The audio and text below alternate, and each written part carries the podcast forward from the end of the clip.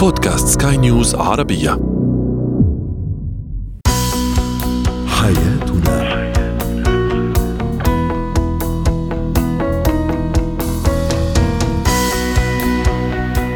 أهلا بكم مستمعينا الكرام إلى برنامج حياتنا برنامجكم اليومي الذي يعنى بشؤون الأسرة وباقي الشؤون الحياتية الأخرى والذي يمكنكم الاستماع إليه عبر منصة البودكاست لسكاي نيوز عربية. معي أنا طيبة حميد.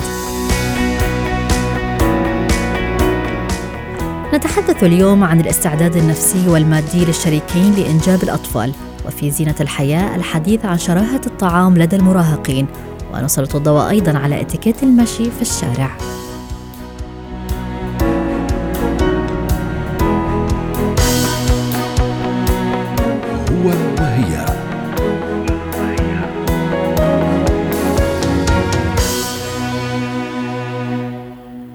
الإنجاب ليس تغييرا بسيطا في حياة الأسرة لذلك يجب على الشريكين أن يتأكدا من استعدادهما له استعداد نفسي ومادي وحتى صحي.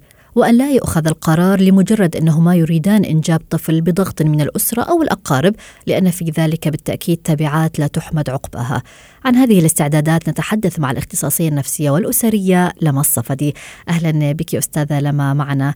يعني يجب على الشريكين أن يفهما ما معنى أن يكون لديهما طفل وأهمية هذا الأمر وخطورته في نفس الوقت صحيح؟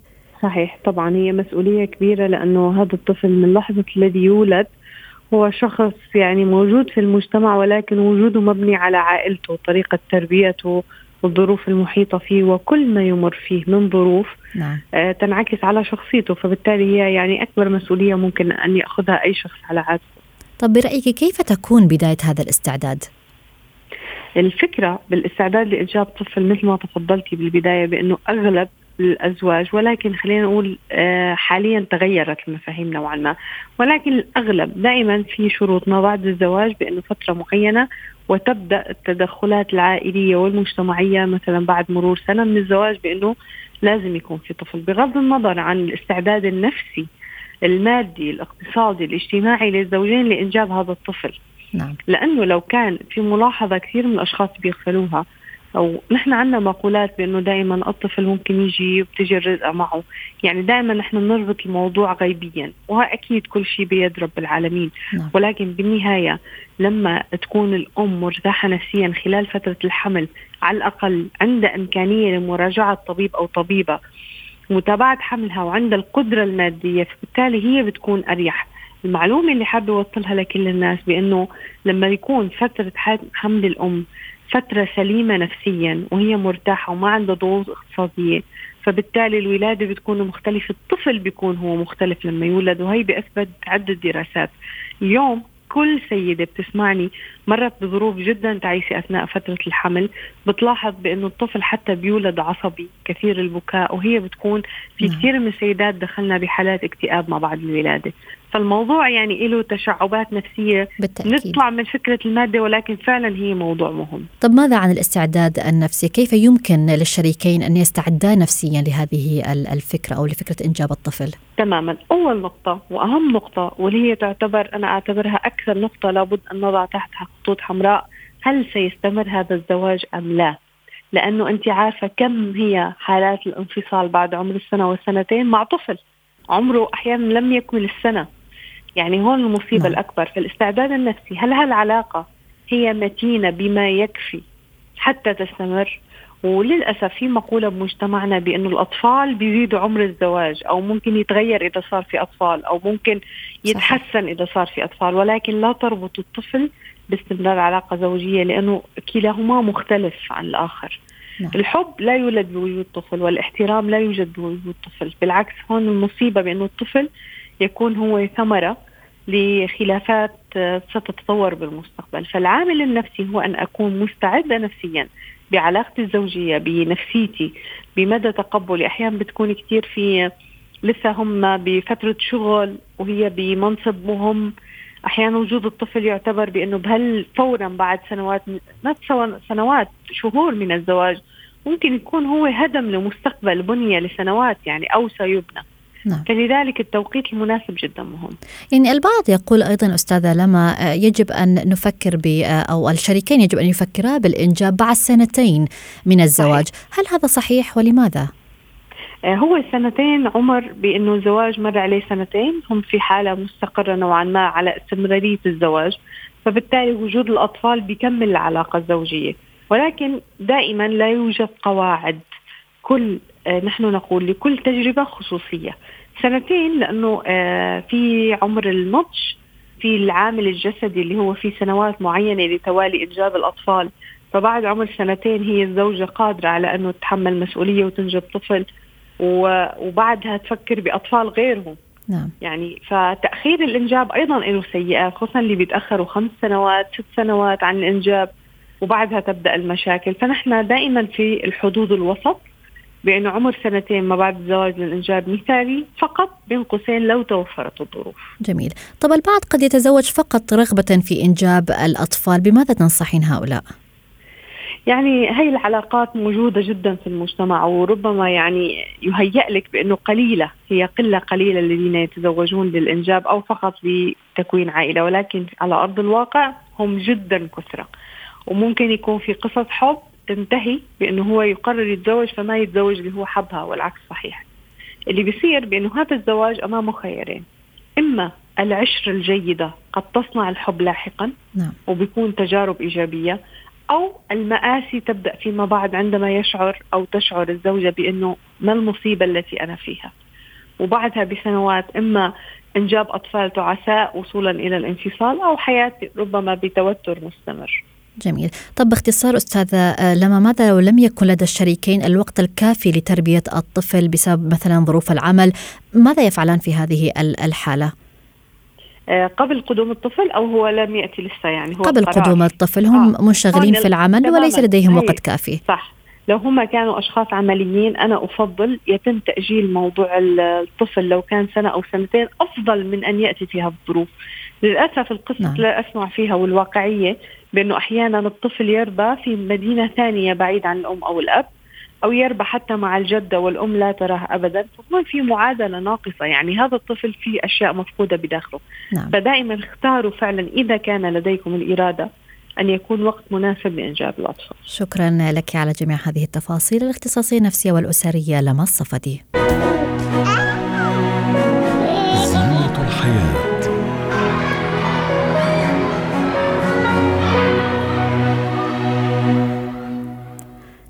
نتحدث اليوم عن البوليميا والتي تعد أحد الأمراض المرتبطة بالجهاز الهضمي وتعني الشره المفرط في تناول الطعام ولذلك يطلق عليه النهام العصبي أو الشره العصبي.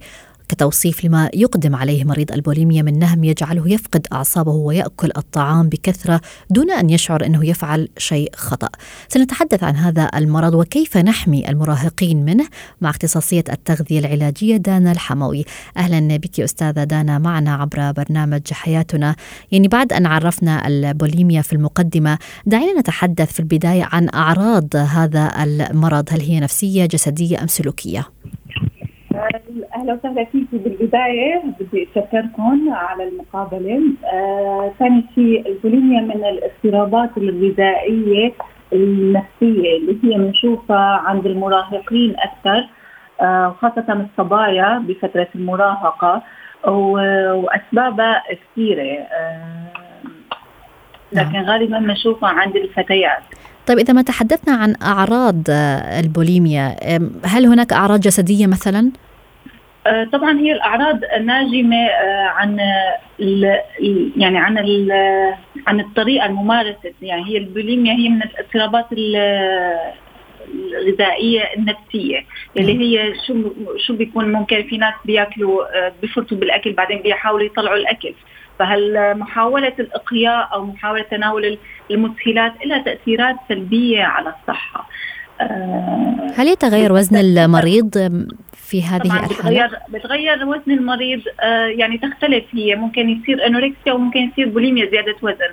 آه بيصير إقياء بيصير أحيانا بيحرموا حالهم عن الأكل صيام كامل عن الأكل. آه أحيانا بيستعملوا مدرات أو أحيانا بيستخدموا مسهلات. فهذا ممكن يسبب مشاكل صحية على الصحة أو بنلاقي عندهم هدول الأشخاص دائما في توتر في اكتئاب بنلاقي في مشاكل باللثه وبمينا الأسنان. الحلق دائما في احتقان في خاصة بالصبايا اللي بيحضوا الإقياء بصير انتفاخ بالعقد في منطقة الوجه والعنق. نعم. هل يرافق أيضا هذا المرض أي أي سلوكيات مثلا عدائية؟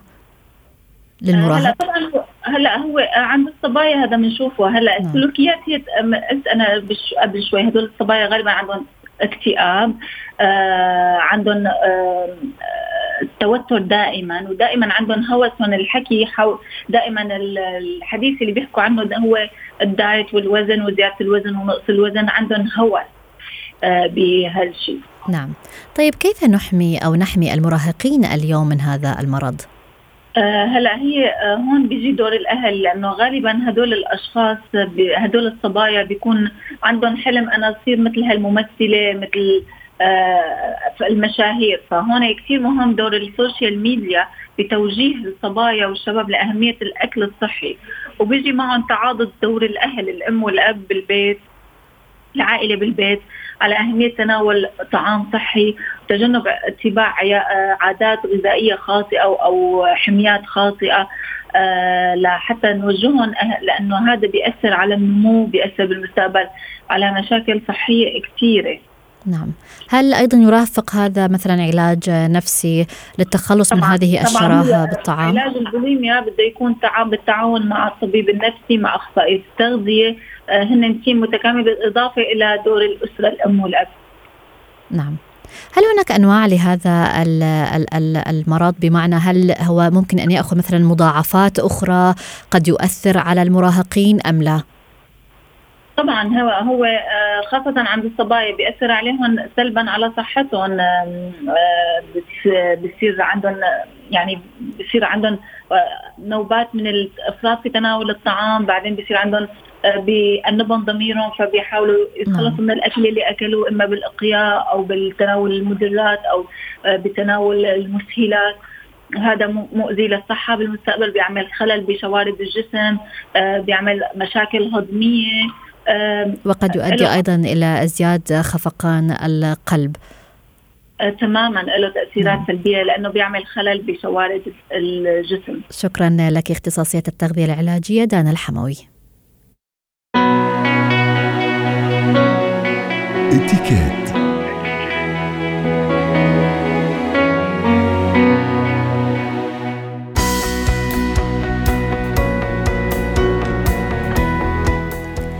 قواعد اتيكيت المشي لا تزيد من تألقنا أمام الآخرين فحسب بل إنها أيضا تجنبنا الكثير من المواقف المحرجة كما أنها ترتكز بشكل أساسي على الممارسات البدنية السليمة التي تحمينا من المشاكل الصحية. فما هي أبرز قواعد اتيكيت المشي للنساء واتيكيت المشي بالكعب العالي؟ وهل يختلف اتيكيت المشي عند الرجال عنه عند النساء؟ وهل هناك أيضا اتيكيت المشي بين المرتبطين؟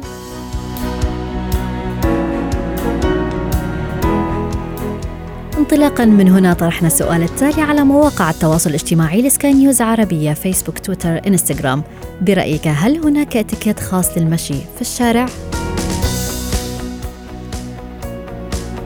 من ضمن التعليقات الواردة كانت لإكرام التي قالت ماما علمتنا بس نمشي بالشارع ممنوع الأكل ممنوع نطلع ورانا وما في ضحك ولا حكي بصوت عالي ولازم ما نطلع بوجه الناس فؤاد أيضا علق وقال آه، أعطي حق الطريق ولا تؤذي الناس وابتسم. أما شهد فقد قالت عندما أمشي دائما ينحرف مساري عن الخط المستقيم وكل من يمشي بجنبي يشتكي من هذا الأمر. فهد أيضا علق وقال أمشي مع بعض الأصدقاء ولكن دائما ما يكون هناك شخص يسبقنا بخطوات ولا يستطيع أن يمشي جنبا إلى جنب معنا. إذا للحديث عن هذا الموضوع تنضم لنا خبيرة الإتيكيت سلوى عفيفي. أهلا بك أستاذة سلوى. يعني لكل شخص منا أسلوبه وطريقته بالمشي بالتأكيد إلا أن هناك قواعد إتيكيت علينا اتباعها. أبدأ معك من تعليق إكرام لفتني تعليقها. قالت والدتها أخبرتها بأنه ممنوع الأكل ممنوع النظر إلى الوراء وأيضا الضحك ممنوع ولا الحكي بصوت عالي. ما رأيك بهذه النصائح؟ أهلا بك أستاذة طيبة ومتابعينا الكرام. طبعا بالنسبة لاكرام أنا أحيي والدتها تحية كبيرة جدا لأنها فعلا زرعت فيها هذه الأصول وهذه الأساسيات. يمكن حاليا في الزمن الحديث نقول عدم العبث بالموبايل أثناء المشي نعم. فهي أضافت كمان عدم الأكل عدم إلقاء شيء في الطريق آه، عدم التحديق في نظر الآخرين لأنه هذا يعتبر تدخل في خصوصياتهم أو شؤونهم أو مراقبة الناس. فهذا كله ليس من الاتيكيت.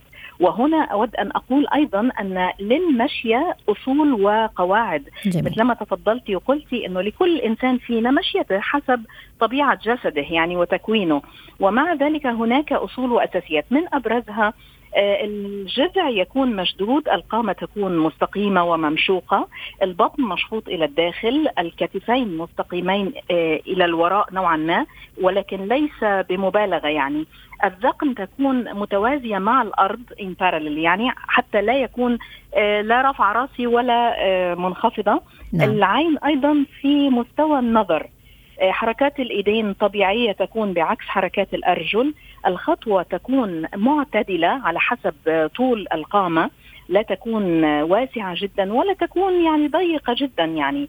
جميل. وأكيد هي تختلف أيضا من رجل إلى امرأة. بالنسبة تماما. للمرأة نقول فقط إنه آه، الركب تكون منضمة ركبتي المرأة. أما الرجل يكون آه، رجليه إلى حد ما منفرجتين بموازاة الكتفين. نعم إذا هذه القواعد تنطبق للنساء والرجال صحيح؟ نعم نعم هل نعم هناك شيء يختلف؟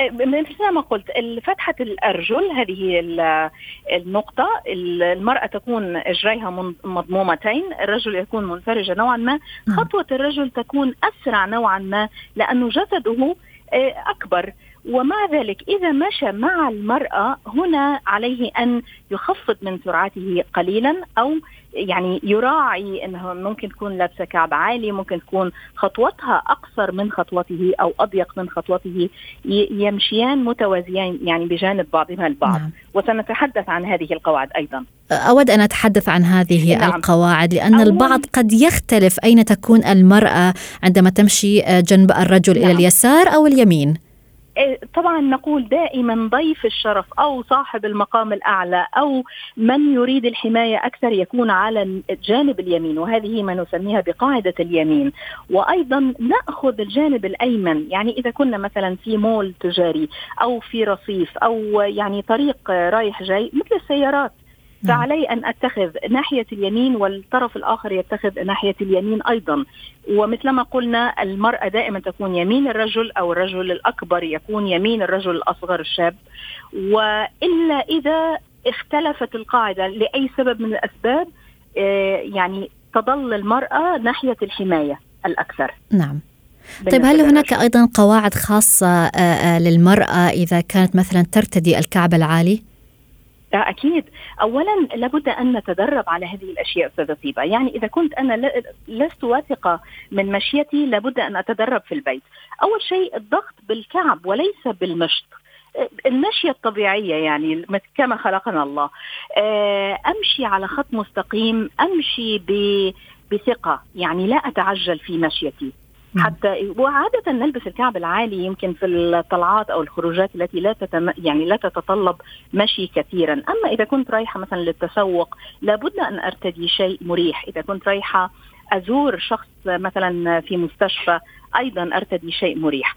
جميل. الكعب العالي أيضا نراعي عدم إصدار الصوت الفظيع أو الصوت اللي هو يعني يعني يبدو كأنه في تمايل أو في إزعاج للآخرين. فللمشي أصول أيضا. جميل. اما أما إذا كنت آه مثلا نحضر مناسبة معينة في حديقة أو شيء هنا لا يفضل الكعب العالي يفضل الكعب اللي هو يعني يكون سحبة واحدة. وفي هذه الحالة يعني أو إذا حد يمكن اضطر أنه يلبس كعب عالي في الحديقة هنا يضغط بالمشط أولا ولا يضغط بالكعب. يعني نختلف في هذه المشية. فقط يعني تكون حالة استثنائية ملاحظة آه، مهمة أيضا نعم. طيب يعني أستاذة سلوى لو كان مثلا ثلاثة أشخاص أو أربعة أشخاص آه، يمشون نعم. بالتوازي مع بعض كيف يكون الترتيب هل يجب الشخص مثلا الأكبر آه، في السن له موقع محدد أم لا؟ طيب خليني أقول لك على حاجة هو أنا أفضل إنه لا نمشي أربعة في نفس الصف يفضل إن نمشي اثنين اثنين لأنه هذا نعم. يسد الطريق للمرة من الجانب الآخر والناس أحيانا تنسى أنفسها آه، ومع ذلك إذا حدث مثلا خلينا نقول إنه في رجل ومثلا زوجته وابنتاه مثلا نعم. فهنا دائما يمشي الرجل على الطرف الخارجي تليه آه، ممكن الأم والبنت الأكبر فالأصغر أو العكس ممكن البنت الأصغر في النص والأم مثلا والطفلة الأخرى أو العكس. آه، هنا الملاحظة إنه الرجل لا يسير في المنتصف ما بين النساء. نعم. يعني إن كانت والدته أو أخته أو زوجته أو ابنته مثلا يكون هو دائما على الطرف اللي فيه آه يعني مش عايزة أقول خطر بس يقول يعني يكون في احتكاك مع أطراف غريبة يعني وفي حال كان مثلا ثلاثة رجال آه، مع بعض هل يجب مثلا أن الرجل الكبير يتوسط آه، آه، المشي؟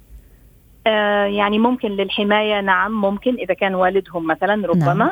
نعم ويكون الشخص الأقوى يمكن الأقوى بدنيا على الناحية اللي هي معرضة لأي يعني تصادم أو أي مواجهة لأطراف غريبة مثل ما نعم. قلنا.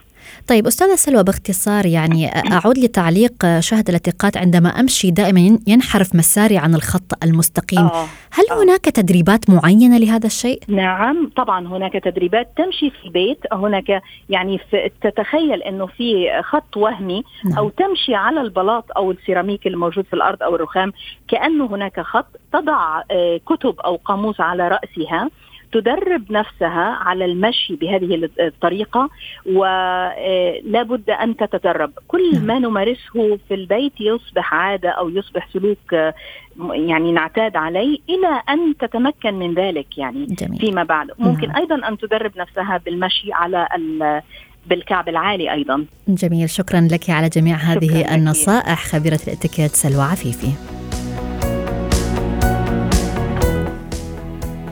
إلى هنا نختم وإياكم مستمعينا الكرام برنامج حياتنا.